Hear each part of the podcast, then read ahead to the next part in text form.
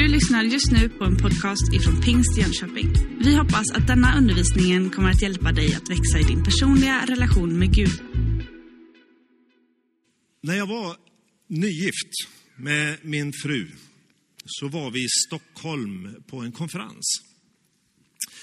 Och så skulle vi gå hem sent på kvällen därifrån. Eh, och eh, det här var mitt i vintern. Och vi var inte så där riktigt så vi hade massor med vinterkläder. Vi var liksom inte beredda på att vara ute, utan vi hade ju åkt för att vara inne på konferens i Stockholm. Så skulle vi gå hem till det här hotellet där vi skulle bo. Och det här då är ju ganska många år sedan, eh, så det var ju till och med innan mobiltelefonernas tid. Kan ni tänka er? Ni som inte vet vad det är, men det finns en sån tid i världshistorien. Eh, men vi hade fått en liten kod utav det här hotellet, att vi skulle knappa in en kod vid en port och så skulle dörren öppnas så skulle vi komma in, för vi bodde på ett billigt hotell, det fanns ingen personal så dags liksom. Och vi går där igenom natten i Stockholm, det är kallt, vi fryser, vi kommer till den här porten, vi knappar in den här koden och dörren öppnas inte. Det är stängt. Det går inte att komma in. Och vi försöker igen och liksom jag blir lite irriterad på min fru säger, men ge mig det där så ska jag fixa det här. Men det, det händer liksom ingenting. Porten är stängd, det går inte att komma in. Det är mitt i natten, vi är i Stockholm, det är kallt, det fry, vi fryser. Och det där kändes ganska bedrövligt. Då kommer det någon och går längs trottoaren. Det är vi och den personen går förbi oss och när han går förbi oss så säger han testa koden och så säger han fyrsiffrig kod och så går han bara vidare. Och vi knappar in det där numret och dörren öppnas. Vem det här var, det vet jag inte. Men jag var väldigt glad att den människan kom förbi. Det här med att stå inför dörrar kan ju vara helt ja, men det gör vi ju varenda dag. Vi öppnar dörrar, vi stänger dörrar, vi, vi går in, vi går ut genom dörrar. Men dörrar har en viss betydelse och jag har upptäckt att Bibeln talar väldigt mycket om dörrar. Och jag ska tala lite grann om det här med öppna dörrar idag. För dörrar, om den är, kan vara inbjudande, men det kan också vara stängt. Den kan stå för möjligheter att kliva in. Du kommer in i ett annat rum, en annan värld, en annan möjlighet. Den står för möjligheter i livet. Men det kan också stå för ett stängt hopp. Det finns ingen dörr, det finns ingen väg framåt. Det är stängt. En dörr kan ju gömma någonting så vi inte ser, men en dörr kan ju också upp uppenbara någonting så att vi får se det som var gömt. Den kan slå ner modet på oss, men den kan också ge mod. En dörr kan inkludera, men en dörr kan också exkludera. Johannes på sin ålderdom får en uppenbarelse utav Jesus själv. Och han har tecknat ner den här uppenbarelsen i det som vi kallar för uppenbarelseboken. Och i den uppenbarelsen så får han ett budskap. Jesus ger ett budskap till sju utav församlingarna som fanns i mindre Asien, nuvarande Turkiet. Och till en av de här församlingen, församlingen i Philadelphia, så får han ett budskap som handlar om en dörr. Och det ska vi läsa om idag i Uppenbarelseboken 3 och verserna 7 och 8. Så säger den helige, den sannfärdige, han som har Davids nyckel. Han som öppnar så att ingen kan stänga och stänger så att ingen kan öppna. Jag känner dina gärningar. Se, jag har ställt en dörr öppen för dig som ingen kan stänga. Din kraft är ringa. Men du har bevarat mitt ord och inte förnekat mitt namn. Jesus han talar till en liten församling, men en trogen församling. Jesus han talar till en församling som verkar inte kunna så väldigt mycket av sin egen kraft, men som verkar kunna allt med Guds kraft. Han talar till en församling som verkade ha små möjligheter att göra ett avtryck i sin samtid, men som med Guds kraft verkade kunna förändra världen. Och jag känner någonstans, talar han till vår församling genom de här orden idag? Vi kanske inte så en liten församling med svenska mått mätt. Men tittar vi globalt så är vi ingen, vi är inte så där jättestor församling. Vi har en hel del resurser. Men jämför vi våra resurser med behoven så känns det som att vi har ingenting. Och jämför vi utmaningarna med det vi har, det vi kan och den förmåga vi har, så känns det som att vi skulle inte kunna göra ett större avtryck i den här världen. Men ändå, kära vänner, så kan vi förändra världen med Guds kraft. Och vi står inför en mängd öppna dörrar. Och jag ska tala en del om de här dörrarna idag och jag ska berätta lite konkret vilka de här dörrarna som jag ser att vi står inför. Men innan vi kommer dit, så låt oss förflytta oss i tiden lite grann och vi tänker på församlingen i Jerusalem. Strax efter pingstdagen, andeutgjutelsen, den första väckelsen, det som var på gång. Församlingen växte och man stod i en expansiv tid. Men samtidigt med det här så påbörjas det också en ganska grym förföljelse utav församlingen, medlemmarna, de kristna och de ledade, ledarna i församlingen i Jerusalem. Flera blir avrättade. Man mister livet. Förföljelsen är svår. Och Petrus, han sätts i fängelse. Och någonstans var han förgrundsgestalten i den begynnande väckelsen. Och någonstans så är det som att modet slås bort. Det liksom fejdar ut i församlingen. Men man beslutar sig att under den här tiden, när liksom det verkar vara tufft, det är svårt, det är jobbigt, så möts man till bön. Och då står det så här i Apostlagärningarna 12 och 5. Petrus, han hölls fängslad och i församlingen bad man ivrigt till Gud för honom. Och då började det hända saker. Gud han börjar svara på den där bönen. Församlingen som ber, de vet inte riktigt vad det är som händer. De är inte medvetna om att det de ber just nu, det händer där borta där Petrus är. Och i fängelset så börjar det hända saker. Det kommer en ängel som väcker upp Petrus, säger ta på dig sandalerna, svep om dig manteln. Nu ska vi ut du och jag, vi ska gå en vandring tillsammans. Ut från den här fångenskapen. Och vet ni, det händer saker saker när man ber. Och så står det så här i Apostlagärningarna 12 och 9. Petrus följde med honom ut, men han förstod inte att det var verkligt. Det som skedde genom ängen, det som skedde genom ängeln, utan trodde att det var en syn. Det passerade en vaktpost och sedan en till och kom till järnporten som ledde ut ur staden och den öppnades för dem av sig själv. Det kom ut, det gick gatan ner och då försvann ängeln. Dörrarna öppnades av sig själv. Går det till grundtexten där så finns ett ord som heter automatos. Då vet ni var vi har fått det ordet ifrån. Automatik. Det bara hände. Det behövdes ingen kraft. Det, det, det hände av sig själv. Den öppnades.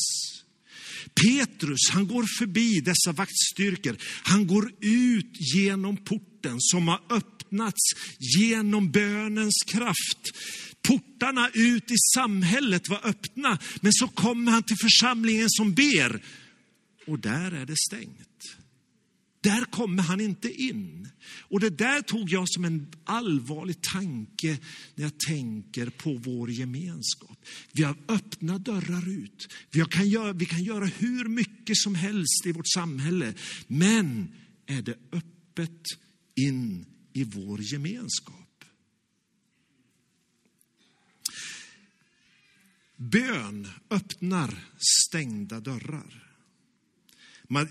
Jesus säger i bergspredikan i Matteus 7, be så skall ni få, Sök så skall ni finna. Bulta så skall dörren öppnas. Ty den som ber han får och den som söker han finner. Och för den som bultar skall dörren öppnas.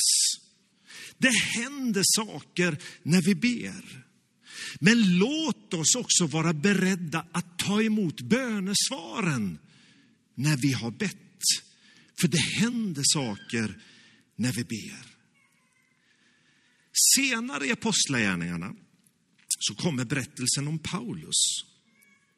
Och Paulus, han söker efter öppna dörrar i en period i sitt liv. Det står så här i Apostlagärningarna 16. Han är på väg liksom någonstans, så står det så här. De tog vägen genom Frygien och Galatien eftersom den heliga anden hindrade dem från att förkunna ordet i Asien. När de hade nått Mysien ville de bege sig till Betynien, men det tillät inte Jesu ande. Då gick de genom Mysien och kom ner till Troas. Han ville till Asien, men hindrades av anden. Alltså dörren stängdes på något sätt. Han ville till Betynien, men Jesu ande tillät inte. Dörren stängdes. Men så prövade han något annat och där verkar det vara öppet. Han kommer till Troas. Och går man då till andra Korintierbrevet så skriver Paulus så här. När jag kom till Troas för att predika Kristi evangelium hade Herren öppnat en dörr för mig. Och så går vi tillbaka till Apostlagärningarna 16, när han är i Troas och så känner han liksom någonstans att ja, men jag är inte riktigt framme än, det är inte färdigt än. Så står det så här från den nionde eh, versen i det sextonde kapitlet. På natten, alltså när Paulus är i Troas, så hade Paulus en syn. En makedonier stod där och bad honom, kom över till Makedonien och hjälp oss. När han hade haft denna syn försökte vi genast ta oss till Makedonien, ty vi förstod att Gud hade kallat oss att förkunna evangeliet där. Kom över till Makedonien och hjälp oss. Alltså en annan dörr öppnades igen för dem. Och så kommer han till Filippi i Makedonien tillsammans med Silas och så går de ner till floden, berättas det. För de trodde att där finns det en böneplats. Där möter de en kvinna vars namn är Lydia. Och så berättar Paulus evangeliet för henne. Och så står det att Herren öppnade hennes hjärta. Hjärtats dörr öppnades och hon tog emot evangeliet så händer det saker i Troas där, eller i, i, i Filippi. Och Paulus och Silas de sätts i fängelse och det verkar som att nu är dörren stängd igen. Men då står det så här. Vid midnatt höll Paulus och Silas bön och sjöng lovsånger till Gud och de andra fångarna hörde på. Plötsligt kom ett kraftigt jordskalv så att fängelset skakade i sina grundvalar.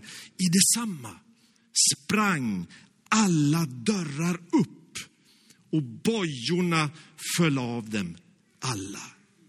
De sjunger lovsång och de ber i sin fångenskap och det blir ett jordskalv och dörrarna sprängs upp.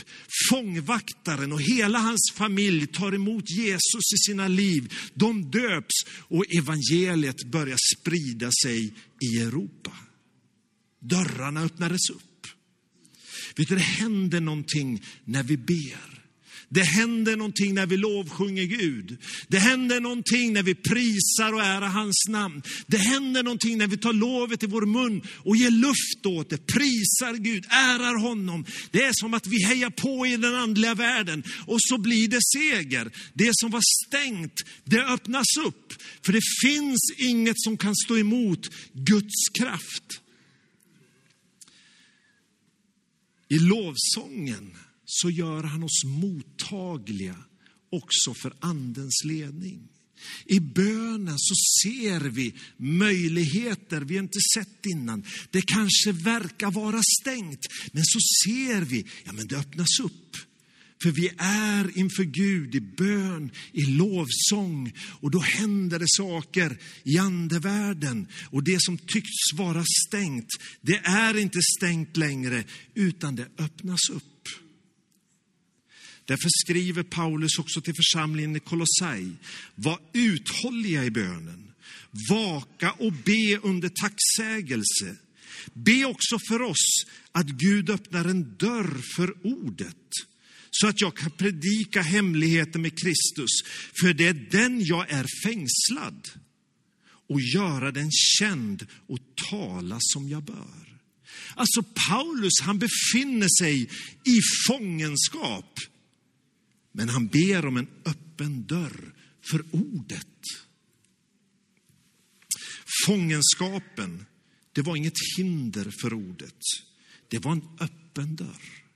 Och är det så att motgångar inte behöver vara stängda dörrar, utan motgångar kan vara en öppen dörr.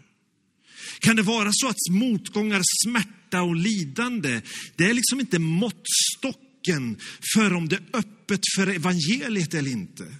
Motgångar, smärta och lidande behöver inte innebära att dörrarna är stängda. Motgångar behöver inte vara liksom att nu är det kört, utan det i sig kan vara en öppen dörr för evangeliet. Paulus han skriver i första Korinthierbrevet 16 att jag är kvar i Efesos fram till pingst. Här står dörren på vid gavel för mig. Det är gott om uppgifter och motståndarna, de är många jätteöppet. För ordet går inte att begränsa, men motståndare är många. Alltså, här är det en öppen dörr.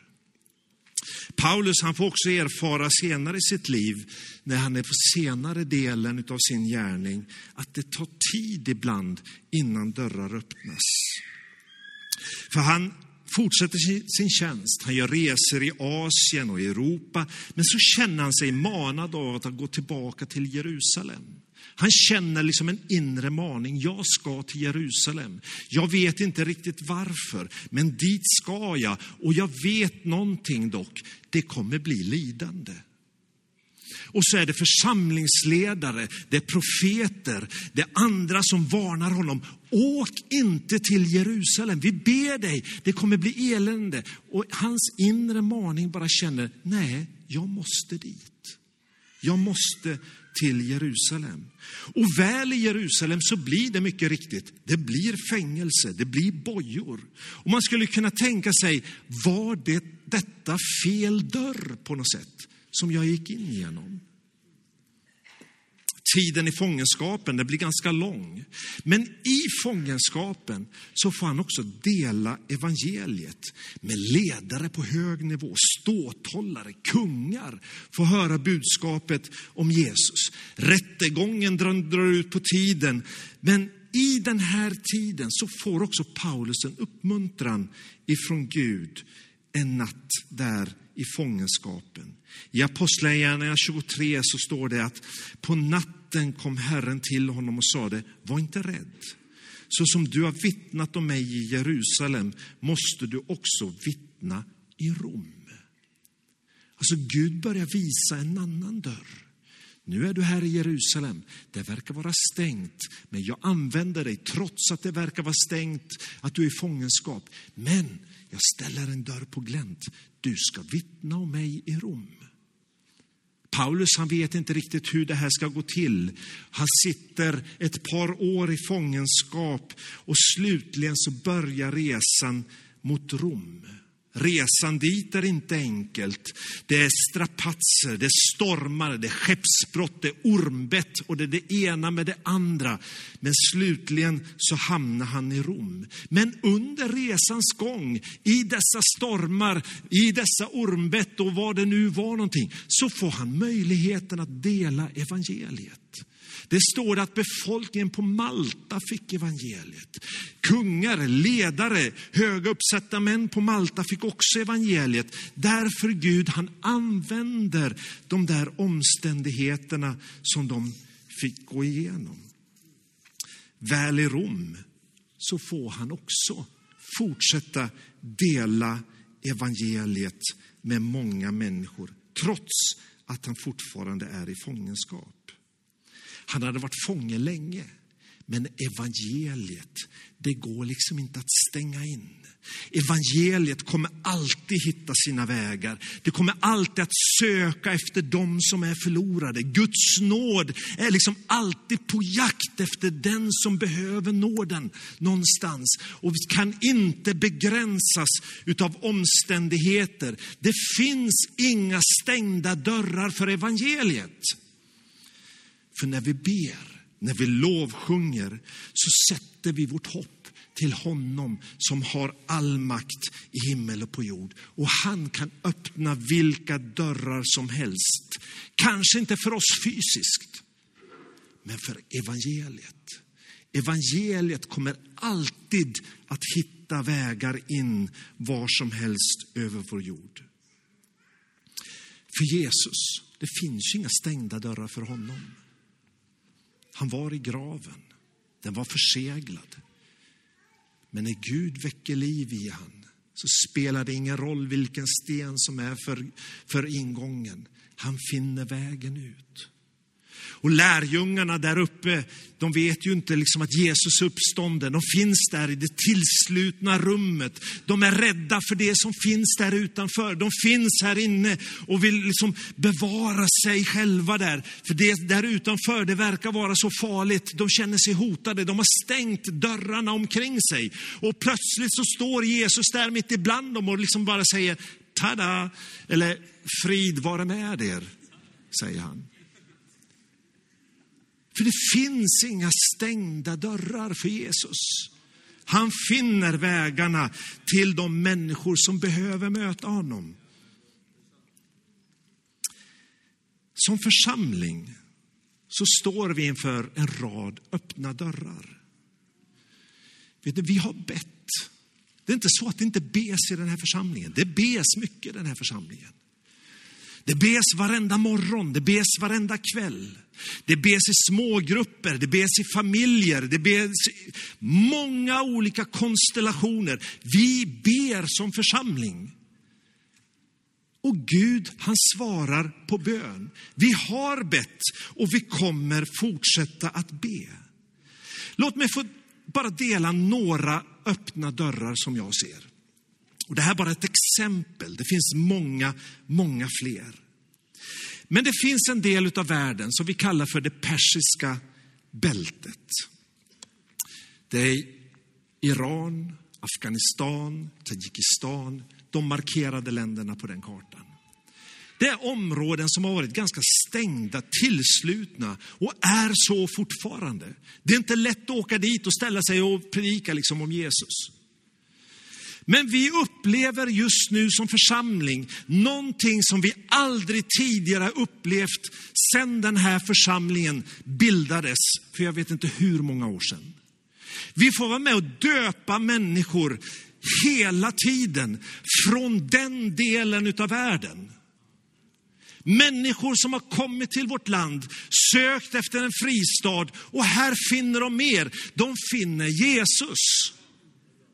Och vi får vara med och leda dem till tron på Jesus, få leda dem ner i dopgraven, få se att nya varelser blir till. Blir till. Och mina vänner, den delen av världen är öppen för evangeliet. Det är inte stängt. Vi har bett och vi kommer att be och vi kommer att skicka missionärer till det här området. Ifrån de här som vi har döpt eller vanliga svenskar som dig och mig. För det är inte stängt för evangeliet. Det finns inga stängda dörrar för Jesus. Det är en av de här öppna dörrarna. Låt mig få ta Etiopien som exempel. Vi har bett och vi ber mycket för Etiopien. Och Gud han har svarat på vår bön och han har gett oss en öppen dörr i Etiopien och över hela Afrikas horn. Där finns länder som Somalia, Somaliland, Djibouti och Eritrea, Sudan och Sydsudan räknar man in där ibland och Etiopien i sig. Vi har fått vara med och föda fram en församlingsrörelse i Etiopien som räknar miljoner människor som sina medlemmar. Men genom de församling, den församlingsrörelsen så har vi tillgång till 50 miljoner människor tillhörande onådda folk på Afrikas horn. Det är en fantastisk öppen dörr. Vi får vara med och träna ledare i Etiopien som mobiliserar sina församlingar för att gå vidare in i de dörrar som Gud öppnar för vår församling just nu. Och i talande stund så befinner sig vår pastor Katrin Karlsson i Etiopien och arbetar med det just nu. Det är församlingar som ber, det är församlingar som tillber och då finns det inga slutna rum. Etiopien och Afrikas horn är vidöppet. Vi har människor i vår församling som är beredda att åka dit. Vi har familjen Aronssons, bägge läkare, de säger vi vill använda vår kunskap, vi vill använda vår erfarenhet. Vi vill åka till Etiopien, sydvästra Etiopien. Vi vill betjäna människor, vi vill uppmuntra församlingar, vi vill korsa gränsen in till Sydsudan och göra en skillnad i den här delen av världen. Dörrarna står vidöppna i Etiopien. Låt oss ta Sydsudan. Vi har bett och vi ber för Sydsudan. Det kan tyckas vara omöjligt. Det är ett land som UD säger, dit ska man inte åka. Det bara lyser rött när man liksom googlar på Sydsudan. Och de säger, är du där, ta dig därifrån. Vi åker dit. För Gud har öppnat en dörr för oss. Han har öppnat en dörr för oss att få arbeta i Sydsudan, på platser där ingen annan vill vara. Vi ger Bibeln till ett folk på ett, deras eget språk, ett folk som inte ens resten utav omgivningen runt omkring dem vet om att de överhuvudtaget existerar. Vi ger mat och sjukvård till människor som ingen annan bryr sig om. Vi arbetar för fred och försoning i ett sargat land med en ung befolkning som inte vet något annat än krig krig. Vi har en öppen dörr i hela landet. Och när jag träffar guvernören i sydöstra Sydsudan så säger han, gå, låt oss gå ut här. Så pekar du på vilken mark du vill ha. Du får den, bara du kommer hit och hjälper oss. Det är öppet, det är en öppen dörr. Hela Sydsudan. Och vi har människor i vår församling som är beredda att åka dit. Jag och Susanne, vi står och stampar liksom och säger, men kan vi inte få åka snart? Vi vill vara med och göra skillnad där. Familjen Aronssons bosatta då i Etiopien säger, vi kommer åka in i Sydsudan när möjlighet ges och få vara med och göra skillnad där. Vi har andra människor i vår församling som just nu har blivit pensionärer. Roland och Karin Borg, de säger, vi vill använda vår tid, vi har vår kunskap. Låt oss få göra en skillnad i Sydsudan. Det finns öppna dörrar som vi behöver gå in igenom. Låt mig ta ett till exempel. Swahilikusten. Islam kom dit på 700-talet. Alltså islams vagga. Sen islam började så har det funnits där. Det finns 30 till 40 miljoner människor i området och man har identifierat 39 onådda folkgrupper. Vi har bett och vi ber för Swahilikusten. Och Gud han har svarat på den bönen och gett oss som församlingen öppen öppen dörr in i hela det här området. Vi har möjlighet att få vara med och dela evangeliet med människor som aldrig någonsin har hört någonting om att det finns en frälsare. Och vi har människor som vi ska lägga händerna på idag. Gustav och Olivia som säger, vi är beredda att åka till det här området. Vi vill vara med och göra skillnad. Vi vill göra Jesus känd. Vi vill gå in i de öppna dörrar som Gud har ställt för oss som församling. Och vi ska få vara med och sända iväg dem idag. Det är en fantastisk tid i vår historia. Vi står inför möjligheter som vi aldrig tidigare haft. Det är öppna dörrar att kunna få vara med och göra skillnad ut över hela vår värld. Vi har folk vi kanske inte har kapaciteten om vi jämför med liksom behoven som finns. Vår kraft kanske är ringa, men vi har Guds löften om att den himmelska härskaran, den ska gå med när vi går. Den har, han har sagt att jag är med er alla dagar in till tidens slut. Gå, jag är med. Dörrarna, de står öppna. Men när jag satt och bad i min kammare för den här söndagen och för de öppna dörrar jag ser att vi har. Och det här är bara ett axplock. Jag skulle kunna tala om Ryssland, jag skulle kunna tala om Kaukasien, jag skulle kunna tala om Europa, jag skulle kunna tala om vårt eget land, vår egen stad och många olika sammanhang. Så kände jag ändå ett visst allvar inför det vi står för. Och jag kände att för att det här ska bli möjligt, för att vi liksom ska kunna inta länder, platser, städer, så krävs det enhet. Vi behöver stå tillsammans försam som, församlingar, som församling, för vi har oanade möjligheter i vår tid. Vet du, det finns ingen annan som kan spela den roll som vi kan spela. För Gud har lagt den kallelsen på oss som församling. Men det kräver enighet, det kräver rätt motiv och det kräver att Gud är med och välsignar det här som vi går in i. Men med det så är vi ostoppbara. Då finns det ingenting som kan stoppa oss.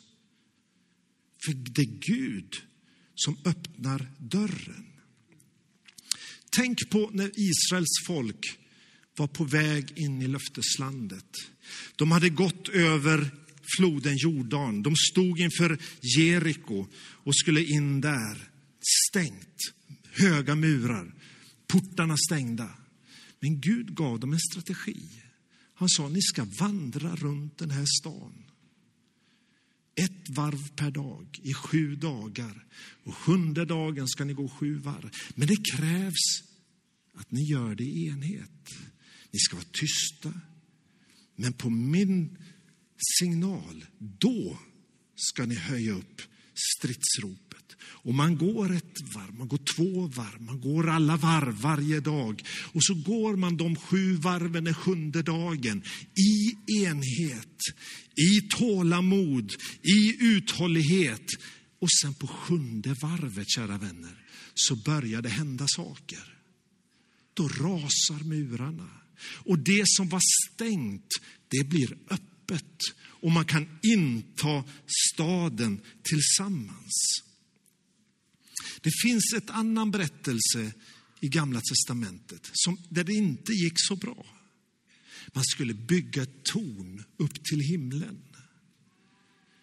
Och man sa det, låt oss bygga oss ett namn. Motivet det var att de själva skulle bli kända, att de själva skulle bli ärade. Man, världen skulle se hur fantastiska de var. Det där gladde inte Gud. Han sådde splittring genom att liksom confuse språken. Alltså att de började tala olika språk. Men de hade fel fokus i uppdraget. Vet ni, om vi ska inta länder, om vi ska inta städer, om vi ska inta Jönköping så krävs det att vi är eniga.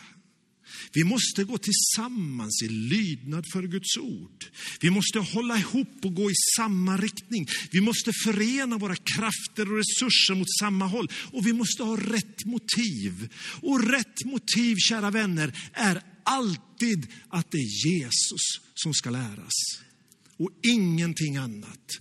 Det handlar inte om att pingst Jönköping någonstans ska bli känt och att vi ska vara på tv eller att vi ska liksom synas i media eller att det ska bli något märkvärdigt. Det handlar alltid om Jesus och ingenting annat.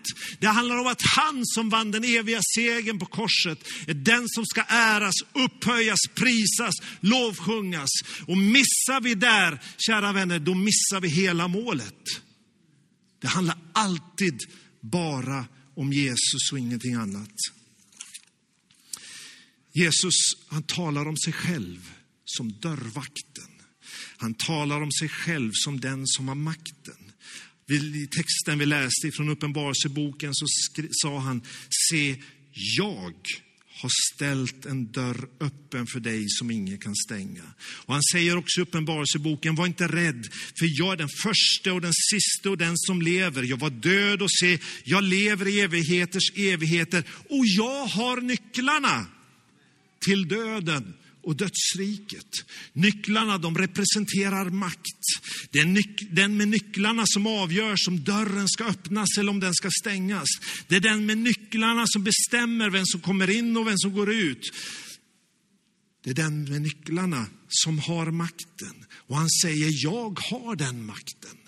Det är jag som ställer upp dörren för er. Det är jag som sänder er ut. Det är jag som säger att gå ut genom den här dörren och inta det som ska intas. Han ställer dörren vidöppen för vår församling.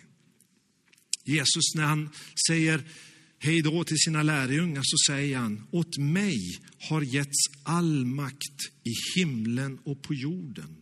Gå därför ut och gör alla folk till mina lärjungar. Vad Jesus säger, det är att jag har nycklarna, jag har hela knippan. Ingen dörr kan förbli förstängd för er.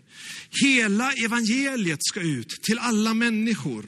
Och han vill att vi som församling går in genom de dörrarna, eller går ut, eller vilken riktning nu det vi ska tala om. Men vi ska gå igenom de dörrarna och sprida kunskapen om Jesus. Jesus säger också i Matteus 24 att budskapet om riket ska förkunnas i hela världen och bli till ett vittnesbörd för alla folk. Sen skall slutet komma. Evangeliet, det måste förkunnas. Det måste spridas och Jesus har ställt den dörren öppen för oss. Men han säger, det måste hända innan en annan dörr öppnas. Alltså dörren för Jesu andra tillkomst, återkomst.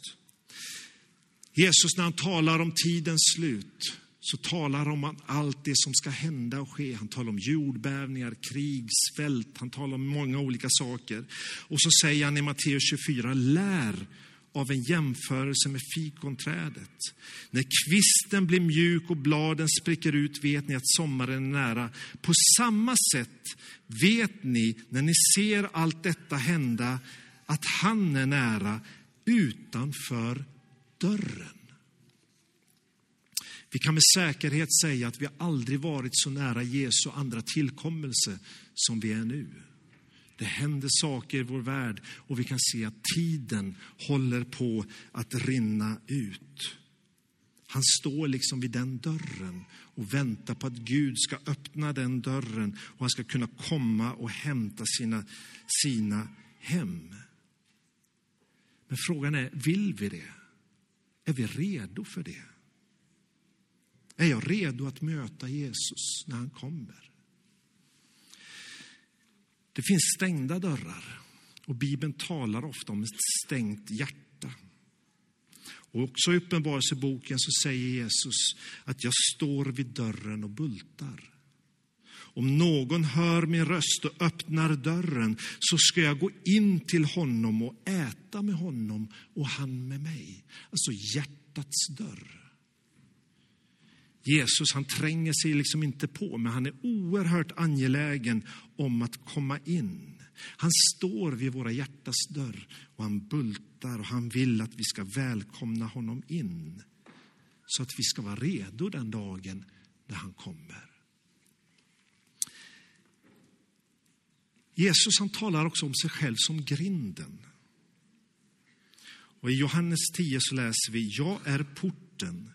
Den som går in genom mig skall bli frälst och han ska gå in och gå ut och finna bete. Han talar också om sig själv som att jag är vägen, jag är sanningen och jag är livet. Vet du, av alla dörrar du ställs inför i ditt liv, alla vägval du måste göra, alla beslut du måste fatta, så finns det en dörr som är viktigare än alla andra. Och det är dörren som är Jesus själv. Att gå in genom honom. Att liksom gå in på den vägen som leder mot livet. Att ta emot Jesus i sitt liv, att bli frälst. Det är den viktigaste dörren du någonsin kan gå igenom. För han är vägen. Det finns ingen annan väg. Det finns ingen annan frälsning. Och det gäller hela mänskligheten, var vi än bor på vår jord. För han är vägen till himlen. Han är liksom dörren till himlen. Han bjuder oss in och den dörren den står öppen. Men vi måste liksom gå in genom den. Och den vägen, den leder liksom mot en framtid som han har förberett för oss. Den framtiden som är ljus och lång. Den framtiden som är, som är tillsammans med Gud i det heliga. I en tillvaro där smärta, motgångar och sorg inte längre finns. Den fullkomliga tillvaron tillsammans med honom som gav allt på korset för våran skull. Och den dörren, den är öppen. Men frågan är, hur är mitt hjärtas dörr? För han står och knackar och bultar och vir in. Och vi måste släppa in honom. Med honom i hjärtat så går vägen mot en framtid som är fantastisk. Och jag ser en fantastisk framtid för vår församling när vi går ut genom de öppna dörrar som Gud har ställt för oss som församling. Och vi kommer få se segrar, vi kommer få se underbara saker hända i vår församling, men också ut över världen när vi är trogna det uppdrag som han har gett oss. Vi är en liten församling, vi är kanske ringa, men om vi är trogna Guds ord så har han lovat att gå med och då är vi ostoppbara. Då finns det inget som kan stänga inne evangeliet. Amen.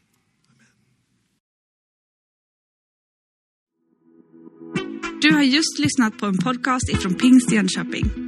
För att få reda på mer om vilka vi är och vad som händer i vår kyrka så kan du gå in på pingstjonkoping.se eller följa oss på sociala medier via pingstjkpg.